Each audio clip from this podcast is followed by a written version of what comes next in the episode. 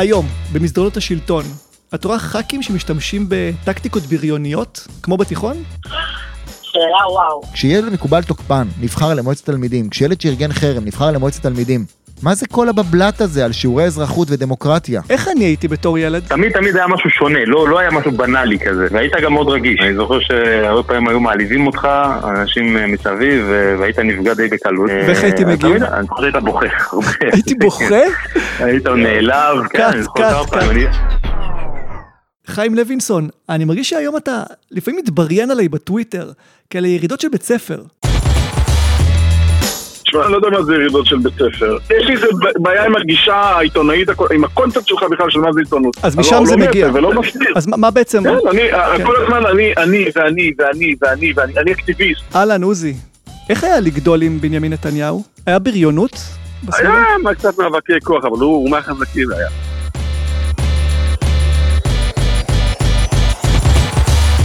אהלן, אני תומר אביטל משקוף, והיום פרק special על הקשר בין תחרות הפופולריות בתיכונים לבין מה שקורה בפוליטיקה שלנו. מסתבר שלא מעט פוליטיקאים משתמשים באותם טריקים ממש כמו בריונים בתיכון שמנסים להיות מקובלים. למה דווקא אנשים תאבי כוח הם אלו שרצים לפוליטיקה? למה אנחנו מצביעים להם? בדקתי את זה, וגם צללתי במנהרת הזמן וחזרתי לתיכון שלי לבריונות שחוויתי אז, וגם לבריונות שאני חווה ממש היום. אז בואו תצטרפו אליי למסע, נתחיל עם עמית קרן, חבר ילדות שלי, ששחזרתי איתו את הסצנה הבריונית שזכורה לי הכי טוב מהתיכון. סצנה שדווקא אני זה שנתתי בה את האגרוף, אבל זה הגיע אחרי לא מעט התנכלויות שחוויתי. תגיד, אתה זוכר שבתיכון היה איזשהו קטע שפתאום חבורת ילדים, שכבה מתחתנו, התחילה להתבריין עליי? כן, זוכר את זה טוב. מה, מה היה שם? התנפלות חבורתית, אה, דחקו אותך לפינה, אני זוכר את זה טוב, ואתה באינסטינקט של, אה, של לוחם, פשוט אה, חבטת במוביל החבורה הזאת בפניו, ושלחת אותו לעולם של כולו טוב. אבל תקשיב לזה, אני עכשיו מקליט פודקאסט, אמ, אני רוצה לראיין איזה חוקר על הקשר בין אה, בריונות בתיכון למה שאנחנו רואים בפוליטיקה, איך הפוליטיקאים משתמשים באותן שיטות של הבריונים. אז רציתי לראיין, בהתחלה לא אותך, רציתי לראיין את הבריון הזה. ביקשתי מחבר אחר את הטלפון שלו, של הבריון ההוא, והוא אומר לי שלפני ארבע שנים הוא קיבל סרטן מוח, הוא מת. וזה מקום טוב לחקור אה, על הקשר בין סרטן מוח לבין אגרוף טוב לפנים בילדות. לא, זה לא, אל תפיל את זה עליי. אבל תקשיב שנייה, אני, אני, אני מנסה לדבר איתך ברצינות. שים רגע בצד ציניות. זה מטורף, הבריון היחיד שאני זוכר טוב מהילדות שלי, הוא מת. אני לא יודע מה עשיתי בפרק הזה.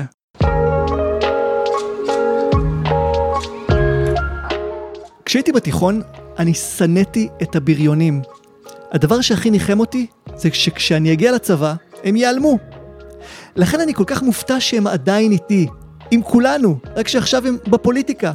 לא מעט פוליטיקאים משתמשים באותם טקטיקות בריוניות, ולמרות שאנחנו מבוגרים, ואנחנו מכירים את התכסיסים האלה, אנחנו עדיין מצביעים להם, אנחנו עדיין הולכים שבי אחריהם. ובינינו, השתמשתי בפרק הזה גם קצת בצורה תרפיוטית. צלצלתי לחברי ילדות, ניסיתי להבין איתם האם אנחנו חווינו בריונות, איך זה עיצב אותנו. אז לזה עוד נחזור בהמשך. יש משהו מפתיע, שכבר בבתי ספר יסודיים, בניסיון ללמד ילדים דמוקרטיה, אנחנו עושים את התהליך שמייצר את כל הדברים שאנחנו לא אוהבים בדמוקרטיה. זיוני צ'ונה, לפני איזה שנה נפגשנו באקראיות והיה לנו שיחה מרתקת על הנושא הזה של בריונות בפוליטיקה ובבתי ספר. ככה בעצם נולד הפרק הזה. צ'ונה הוא מנכ"ל עמותת מצמיחים, היא עוסקת בהפחתת תוקפנות והעלאת שייכות בבתי ספר. איזה מדליק, הם עובדים כבר במאות בתי ספר ומנסים לחולל שם שינוי מטורף. המטרה שלהם היא לשנות בעצם ככה את כל המדינה. בבתי ספר יסודיים, שבישראל כמובן יש חוק שמחייב לעשות אה, בחירות למועצת תלמידים, וואלה, כל תיכון יש לו מועצת תלמידים. כן, by חוק, לפי חוק. יפה, לא? אה, בסיסי, 2020, כן. בוא, לא, אז אם- מלמד אותם כבר מגיל צעיר את ה... בוא נחזור 100 שנים אחורה, נגיד וואו, כל הכבוד. כן. 2020, אתה אומר, זה שיש נמוך. לילדים זכות להתאגד ולהביע את דעתם, אה, זה זה לגמרי ברור שזה, אוקיי. וחובה שזה יהיה חוק, כי ילדים זה היחידים שהם לא מיוצגים בכנסת. אה, בחירות למועצת תלמידים ביסודי. אנחנו מקבלים ילדים שעושים קמפיינים עם הבטחות חסרות כיסוי, אני אוריד שיעורי בית, הוא יודע שהוא לא הוריד את השיעורי בית, הוא משכנע, תומר, עזוב, לא צריך שתרוץ, אני ארוץ בשביל שנינו, קמפיינים צבעוניים והכל, שבסופו של דבר מייצרים לנו ילדים שיודעים להיבחר. ובגלל זה אנחנו מאבדים דור שלם של מנהיגות מצמיחות ומנהיגים מצמיחים, שרואים, זה הילד שנבחר, זה פוליטיקה, זה דמוקרטיה, זה לא בשבילי. ואני שואל בתי ספר, תגידו, כשילד מקובל תוקפן נבחר למועצת תלמידים, כשילד שארגן חרם נבחר למועצת תלמידים, מה זה כל הבבלת הזה על שיעורי אזרחות ודמוקרטיה, אוקיי? ילדים מקבלים את המסר שלהם, זה דמוקרטיה, זה פוליטיקה. אתה אומר שאנחנו נפגעים פה פעמיים, גם מי שנבחר זה לא באמת פוליטיקאים, זה אנשים שלאו דווקא יגשימו את ההבטחות שלהם כבר בגיל צעיר, אבל גם כל השאר התלמידים רואים שמי שנבחר זה, זה לא באמת מי שיעזור נכון, להם. נכון, וזה בגיל מאוד מאוד אמון. צעיר. אני זוכר באמת שבילדות שלי בזיכרון יעקב, הדרך להיות מקובל הייתה להצטרף לחבורה שהייתה מגחכת על ילדים אחרים. הם כל פעם בחרו קורבן, המציאו לו כינויי גנאי, אותי החרימו לא מעט בכיתה ו', ומה שבאמת זכור לי זה שהיה ילד אחד, נקרא לו א', שיום אחד החבורה החליטה להתלבש עליו, ופשוט כמו בסצנה באמת, בס- בסדרת אימה, הם כולם עמדו מולו והצביעו עליו וצחקו עליו, ואני, כי ידעתי איך זה מרגיש, באתי, נעמדתי לידו, חיזקתי אותו, אמרתי לו שהכל יהיה בסדר, באותו יום דיברתי איתו, כי פשוט ידעתי כמה זה נורא להיות באותה נקודה. ואז למחרת, אותה חבורה נזכרה בי, והגיעה ולגלגה עליי. אני כבר הייתי רגיל, אבל אז ראיתי את א', מצטרף אליהם. באותו רגע התפוצץ לי המוח, הרי הוא יודע איך זה מרגיש, ואני גם עזרתי לו כשהוא היה באותו מקום. יותר מאוחר הבנתי, זה פשוט הדרך להיות מקובל, זה להצטרף לאותה חבורה. לרדת על אחרים כדי לשפר את הסטטוס שלך. טרגי, אבל אפקטיבי. אני אעשה אולי ספוילר כדי שישר נקפוץ למים. מחקר של פרופסור פריס שאנחנו עוקבים אחריו והבאנו אותו גם לארץ כמה פעמים במצמיחים. הוא לקח 8,200 ילדים בוויסקונסין ובניו יורק וב public schools בארצות הברית והוא בדק שם מה קורה למעמד החברתי של ילדים למשל שמשתמשים בתוקפנות פיזית. ספוילר, המעמד החברתי של מי שמשתמש באלימות פיזית לא משתפר.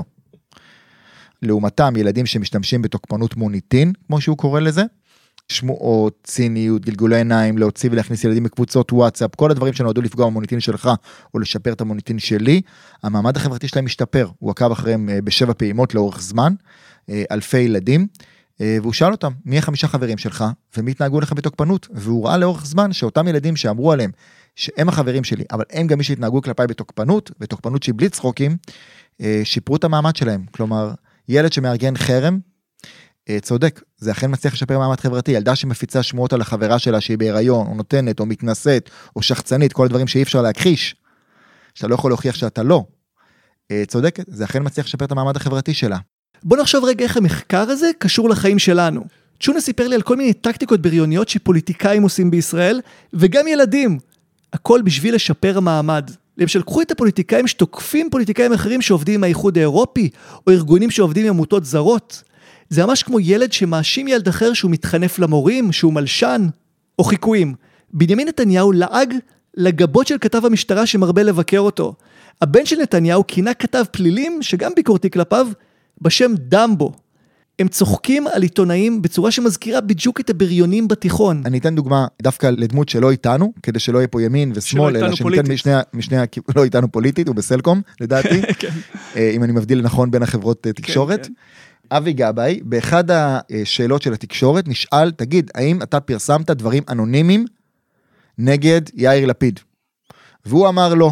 ואז המשיכו לחקור עיתונאים נהדרים, ואז הוא אמר, שילמנו לחברה שבלה בלה בלה. עכשיו, זה היה כל כך מאכזב, כי הוא פוליטיקאי חדש, שבא לטיקט של חדש, אוקיי? אבל זה דוגמה לכך שאם אנחנו כאזרחים לא נדרוש את הדברים, פוליטיקאים יעשו את הדברים האלה. ושאבי גבאי מפרסם דברים אנונימיים, זה בדיוק כמו ילד בכיתה ח' שמפרסם על המתחרה שלו, לא קשור בחירות לא אגב, בחירות, דברים אנונימיים. אני, אני מרגיש עכשיו חיבור גדול אליך, כי אני רוצה להגיד לך שאחרי שראיתי את זה, שגבאי אשכרה השתמש בכספי ציבור לשכור חברה שתלכלך על יאיר לפיד במסווה, לא, יודע- לא, לא היה שם באנר העבודה, כן. אני כתבתי פוסט שהוא צריך להתפטר. ואמרתי, די, זה, זה, אנשים לא הבינו, אנשים שם המון תגובות, מה הגזמת, אתה טהרן, ואני לא, זה הכי בסיסי, אם אתה תוקף אחרים בצורה כזאת, הכלכלה לא יכול אנונימית, לסמוך עליך. אנונימית. וזה זה הבסיס גם של מה שאנחנו... עדיף שתהיה גואלי, אבל גלוי. אני קופץ אותך עכשיו אה, 100 שלבים למעלה, אתה יודע, פוליטיקאים שלנו, למשל נתניהו, זה נראה מבחוץ כאילו הוא, הוא סוג של עושה חרם על השמאל. נגיד ככה, שכל מדינה אירופאית שתגיד לי, אני אתן לך דוגמה למפלגה מרכזית בה, שהתחזקה בעשור האחרון בעקבות שימוש בשנאה. שוט. איטליה עם הליגה וארבעת הכוכבים, צרפת כמובן עם לפן הבת, אוסטריה עם קורץ, שזה שישראל בכלל בקשר עם אה, אה, אנטישמיות כזאת זה, זה מפתיע.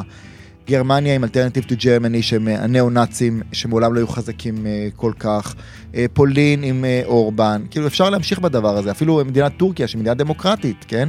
שנאה משתלמת, שיסוי משתלם בעידן הרשתות החברתיות. צ'ונה מדבר על טקטיקה נוספת, טקטיקה שכולכם מכירים, הפמליה. קחו שוב את ראש הממשלה שלנו, בנימין נתניהו. לא פעם הוא נמנע בעצמו מלתקוף אחרים זוטרים ממנו. למה? כי בשביל זה יש לו את הפמליה. ממש כמו בתיכון.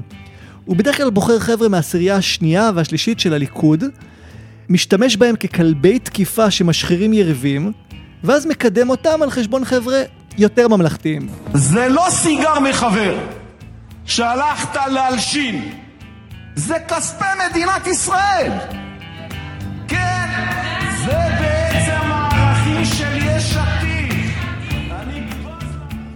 כדי לשפר מעמד חברתי ביעילות, אתה צריך להפגין אה, תוקפנות כנגד מישהו חזק ממך או מקובל ממך, לפי המחקרים. כאשר אתה מפגין תוקפנות כלפי מישהו חלש, זה לא משפר את המעמד החברתי שלך. זה החדשות הטובות. אבי גבאי, כאשר הוא בשידור ירד על ציפי לבני שנתפסה יותר חלשה ממנו, mm. המנדטים שלו, עקבתי אחרי זה, צנחו בימים שאחרי. לא קשור, היא התחילה, לא התחילה, כל הדברים שהוא אמר. תוקפנות כנגד חלשים פוגעת. ולכן, פוליטיקאים לא יכולים בעצמם לרדת על חלשים מהם, ובשביל זה הם משתמשים בפמליה. גם בבית ספר, ואנחנו בכיתות שואלים ילדים, תגידו, איך מזהים פמליה? איך מזהים שפוטים? איך מזהים? מה הם עושים? תגידו, שפוטים יודעים שהם שפוטים? אנחנו ממש מייצרים אנטגוניזם לדבר הזה והתנגדות, ובשביל לנסות לפורר את הפמליה, כי פמליה זה האלימות.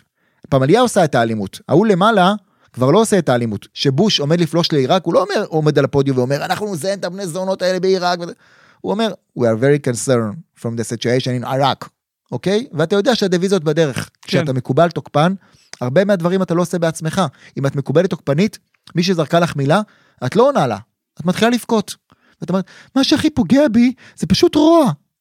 ואת יודעת שהפמליה שלך הבינה את הרמז, ולילדה שאמרה לך איזה מילה, יש שבוע מאוד מאוד קשה. ושוב, גם בישראל, זוכרים את בחירות 2015? הערבים נוהרים לקלפיות של בנימין נתניהו? מה היה פה, שיסוי, דמוניזציה? זה בעצם חרם על שעיר לעזאזל, כמבחן כוח של הליכוד. אמירה כזאתי מדגישה מי מחוץ למחנה שלך, וככה מחדדת באיזה מחנה אתה נמצא. אגב נתניהו, ראש הממשלה שלנו כבר למעלה מעשור רצוף, עניין אותי איך הוא גדל, באיזה סביבה. אז שלחתי את אורי טולדנו, המפיק של הפרק הזה, למצוא חבר ילדות שלו. ושאלתי, האם גם הוא סבל מבריונות? או שהיה מקובל? אני חושב שכן, אפשר להגיד את זה שהוא היה מאוד מקובל, בחורצ'יק מאוד אה, גם חזק, גם נאה, גם חוש הומור, גם מוכשר. זה עוזי בלר, חבר ילדות של נתניהו. מאוד מרשים, הוא היה מרשים מגיל מאוד צעיר. היה בריונות ב... בסביבה? היה קצת מאבקי כוח, אבל הוא, הוא מהחזקים היה. איך זה התבטא? כל, כל פעילות ספורטיבית שעשינו, היה ברור שהוא איש עם הרבה כוח, וחשוב לו כוח. אוקיי, זה מסביר דבר או שניים. מצד שני יש גם חברי כנסת שבעצמם חוו חרם והם משתמשים בפלטפורמה הנהדר הזאת של בית המחוקקים כדי לתקן את המציאות. בתור, אה, אתה יודע, ילדת אינטגרציה, אה, שחוותה חרם אה, ארוך וממושך על בשרה, ומאז הבטיחה לעצמה שאם יבוא יום והיא תהיה באיזושהי עמדת השפעה או עמדת כוח כזו או אחרת, אני הבטחתי לעצמי שאני אנסה למנוע מכמה שיותר ילדים ובני נוער לעבור את מה שעברתי. זאת חברת הכנסת מאי גולן מהליכוד. היא הגישה הצעת חוק שמבקשת לסייע לילדים שחווים חרם. החוק קובע שבכל בית ספר יוגדר ממונה שתפקידו יהיה למנוע תופעות של נידוי וחרם חברתי. החוק יעניק לו סמכויות ענישה. בנוסף יוקם מוקד פניות ארצי, שאליו יוכלו לפנות בכל שההורים שילדיהם סובלים מהתנכלויות מצד החברים שלהם. האם את רואה היום בכנסת אמ, טקטיקות בריוניות שמזכירות את התיכון? שאלה וואו, אני חייבת לציין. ותוך כדי שאני, שאני, אתה אומר, אני אומרת לעצמי, האם כדאי לי לענות בכנות לשאלה הזאת? ותוך כדי גם עניתי לעצמי שאני יכולה להרשות לעצמי לא לענות בכנות, כי אני תמיד הולכת עם האמת שלי ואני אענה לך חד משמעית כן. איך זה מרגיש להיות, את ילדה שפעם הייתה בחרם ועכשיו היא מחוקקת חוק שיכול להיות להיות פה השלכות חיוביות רוחביות על כל הילדים בישראל? כן. זו אה, סגירת מעגל עצומה, אבל זו תהיה סגירת מעגל אמיתית רק שאני באמת אביא את החוק למלואו, כי אתה יודע, אם חס ושלום... החדשות הגרועות זה שהשיתוק הממשלתי משפיע גם על החוק הזה. כלומר, כל עוד נתניהו, גנץ ושאר חבר'ה לא יפסיקו את הכיפופי הידיים, לא יחזרו לעבוד יחד, הבריונים בבתי הספר ימשיכו לחגוג, וילדים תמימים ימשיכו לסבול. וזה מזכיר לי, הבטחתי לסגור את הפינה האישית שלי. מה אני חוויתי בילדות? איך אתה היית בתור ילד? וואו, את זוכר ש... תמיד הסתכלנו עליך, גם בחברים, שכאילו תומר הוא ילד מיוחד, אבל מיוחד לטובה. זה אבי לוי, חבר כמו אח, היינו באותה חבורה כל הילדות. היית כאילו סוג של, היית 50% כאילו עוף מוזר ו-50% ילד מדהים. תמיד תמיד היה משהו שונה, לא, לא היה משהו בנאלי כזה, והיית גם מאוד רגיש. אני זוכר שהרבה פעמים היו מעליבים אותך, אנשים מסביב, והיית נפגע די בקלות. אה, היו, היו העלבות, אתה יודע, אמרתי לך, בגלל שהרבה אנשים היו רואים את, ה, את הצד דווקא המוזר לפעמים, או את הצד הטיפה שונה, אז ילדים זה עולם אכזר, אין מה לעשות, בכל הדורות ובכל הגילאים. לפעמים ירידות ובדיחות ודברים כאלה שהיו עושים, תמיד תומר היה נחשב כ... אוקיי, אה, הוא בצד, כאילו, לא... אני זוכר ש... שאחד הדברים הבעייתיים היו הכדורגל. כל החבורה שלנו משחקי כדורגל, ואני גם לא אהבתי וגם לא הייתי טוב בזה. וזה תמיד, נכון. היה כזה, זה המוזר. אבל עדיין תמיד ניסית להתחבר, ותמיד כן. באת לשחק, ותמיד, וגם אם לא שיחקת, אז היית איתנו במגרש, והיינו מדברים וצחוקים, ותמיד אני זוכר שהיית מדבר על טכנולוגיה, היה לך את הפלייסטיישן הכי מתקדם בזמנו. ובגלל זה היינו גם מאוד אוהבים לבוא אליך, כי תמיד היה דברים נחמדים, עזבתם אותי בגלל הכסף, שלא היה לנו, אבל יותר. מכם, כן. קודם כל, כן, אז יש לי עוד uh, עבודה פסיכולוגית לעשות עם עצמי לגבי הילדות שלי, אבל בינינו, הבריונות לא נגמרה שמה. אני היום אדם אחר לגמרי, יש לי באמת שפע של ביטחון עצמי, אבל יש רגעים שבהם אני מרגיש שאני חוזר לאותו ילד קטן שחווה חרם בכיתה ו'. ואחד ממחוללי הרגעים האלה הוא חיים לוינסון, עיתונאי שאני סופר מעריך מעיתון הארץ. הוא לא מעט יורד עליי, מתבריין עליי בטוויטר, וצוחק עליי שיש לי מניירות של סלב. למרות שאני רואה אותו כסלב, בצורה חיובית. בעיניי סלב זה אדם שמקדם את עצמו דרך החיים האישיים שלו, לא דרך העבודה. זה לא שאדם הוא עיתונאי מבריק ובשל ככה אנשים יודעים מי הוא. אלא מישהו שכל היום עסוק ב... אה, הוא רווק, הוא נשוי, הוא מבייץ, הוא מתחתן, הוא מתגרש, הוא מפיל, לא, אני, אני לא סלב. כמו הקרדשיאנס כמובן, לא איזה דמות אה, אמיתית פה מחיינו. יכול לתת לך גם דוגמאות מפה, אבל אה, בסדר. אתה מבין בוא- בוא למה אני מתכוון. אני מבין. תגיד, אתה כן. אתה באמת אתה עיתונאי מקצוען, אני סופר מעריך את העבודה העיתונאית שלך. אגב, בטוויטר אתה גם נתפס כעיתונאי אגרסיבי. כאדם שלא חושש להיכנס לקטטות.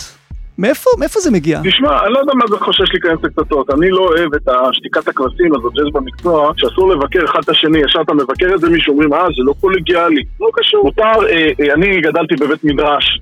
אני למדתי את הביטוי מחלוקת לשם שמיים. סופה להתקיים, יש מחלוקת מה זה עיתונות, אה, אני לא רואה שום בעיה בלחלוף, לפעמים זה נעשה בצורה מנומקת, ולפעמים בצורה קצת יותר ארסית, לפעמים בצורה קצת יותר הומוריסטית, אבל אתה יודע, איזו תרבות כזאת, אתה ישר תוקף את תומר אביטל, אז אנשים עולים מולך, מה אתה רוצה מתומר? הוא כזה חמוד, אין לי שום דבר מתומר.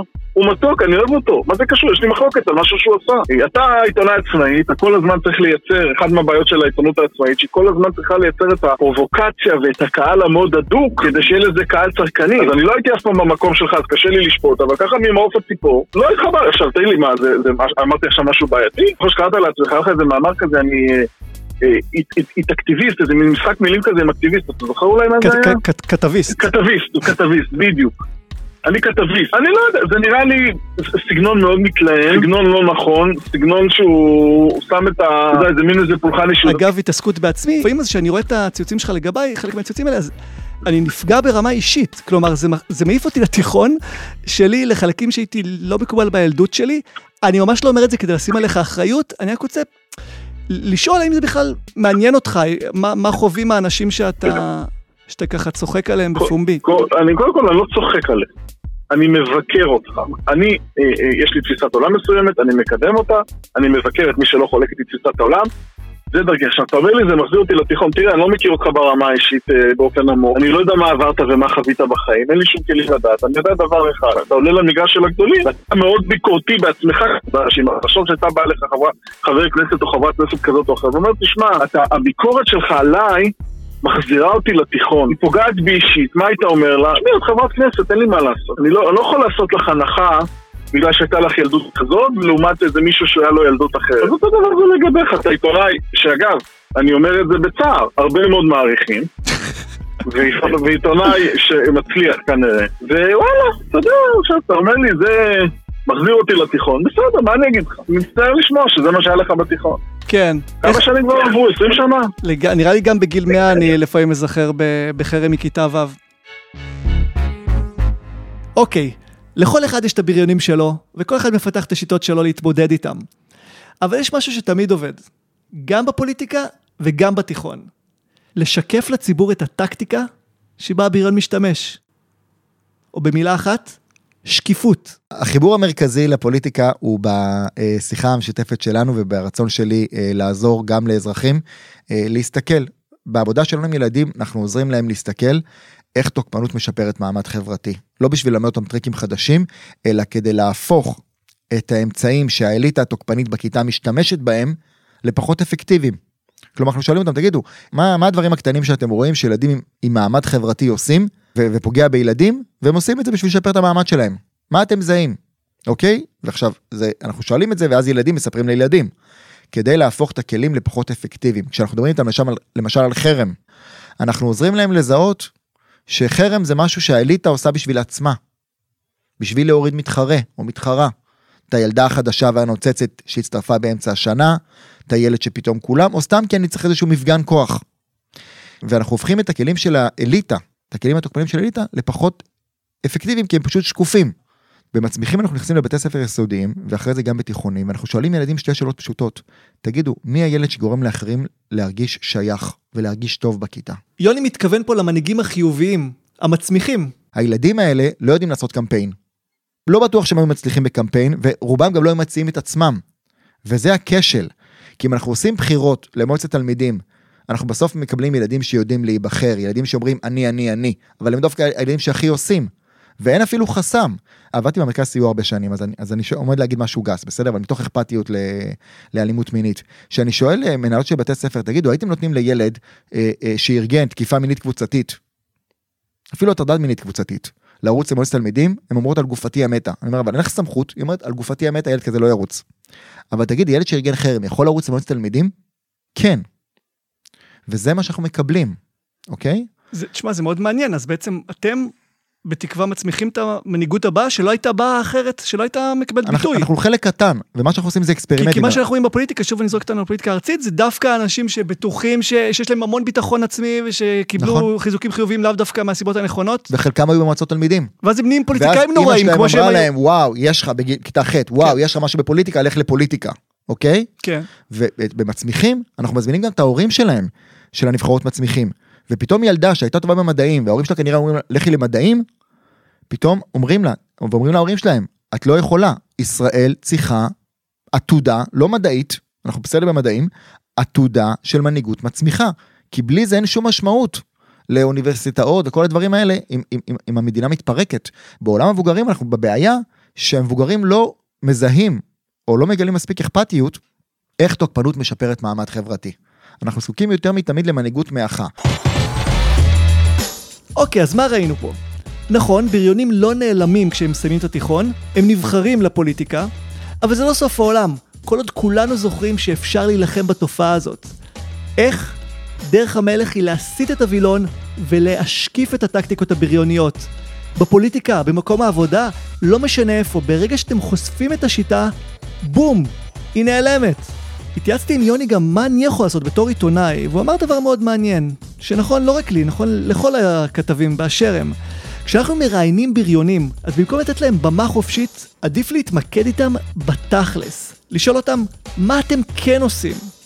במקום לאפשר להם להשתלח, לשאול, מה אתם כן מציעים? וכדי להנמיך חומות, אפשר לשאול בריונים, תגידו, את מי אתם כן מעריכים מהמחנה השני? או, איזה ציון אתה היית נותן לעצמך על תרבות השיח שלך כשאתה מדבר על יריב פוליטי? ועוד דבר אחרון, בהיבט האישי. לפעמים כשעושים זום אאוט, לא רק מפרקים את הספין, גם רואים שהמציאות לא הייתה כזאת נוראית. אני זוכר גם זיכרונות, אתה יודע, יותר אמ, קשים. נגיד שהשחקנו כדורגל, אז שאני לא הייתי טוב בזה והייתי נשאר בחוץ הרבה פעמים. ואני זוכר שגם לא היה לי בת זוג הרבה שנים, שלכולם כבר היו יוצאים. תראה, נכון שבכדורגל לא הצטיינת, זה שגיב אמיר, אני והוא עשינו לא מעט שטויות ביחד. אבל אני מזכיר לך שעל זה פיצית בכדורסל, ושהם משחקים עם סולרו ועם אח שלך, וגם יותר גדולים מאיתנו, היית שם מאוד מאוד תחרותי, כי ידעת שבכדורגל שמים אותך בשער ואתה פחות מצטיין, יש לך פחות חיבור בין, ה- בין, ה- בין הראש לרגליים, אבל אה, לידיים היית לא רע בכלל. נכון שלא לא היית לך הרבה זמן, אבל אה, בסופו של דבר לקראת י"ב התחלת לצמצם פערים לדעתי. שנייה, אל תשכח יצאנו עם הבחורות האלה מנתניה, לא, לא. אוקיי, עד כאן הפרק. אני ממליץ לכולם לחפש את האנשים המצמיחים והנשים המצמיחות בסביבה שלכם. תעזרו להם למסוק הכי גבוה שאפשר, זה יעזור לכולנו. תודה רבה לאורי טולדנו ולדור קומט משם הפודקאסטים ויצירות סאונד על ההפקה והעריכה של הפרק הזה. תודה רבה ליוני צ'ונה מעמותת מצמיחים, אפשר לתרום לו ולחזק אותו, חפשו אותו ברשת. אפשר לעקוב אחריי, תומר אביטל, ואחרי שקוף כלי התקשורת העצמאי, בכל הרשתות החברתיות הידועות למין האנושי. חוץ מטיק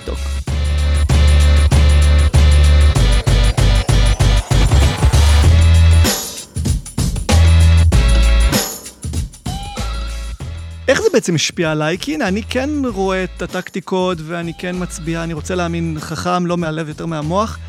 אבל אני בתיכון כן ראיתי שמה שמשתלם זה להיות בריון. מה קרה אצלי אחרת? למה אני ככה? אה, קודם כל אני, אני לא חסיד של תיאוריות פסיכולוגיות. סוציולוגים קוראים לעידן הזה עידן הפסיכולוגיה. זה אומר שאנשים מנסים להסביר הכל באמצעות פסיכולוגיה. כמו שפעם ניסו לפתור את כל הבעיות של האנושות באמצעות הנדסה, ואמרו בואי נהנדס הכל את החברה והכל, היום פסיכולוגיה תפתור הכל.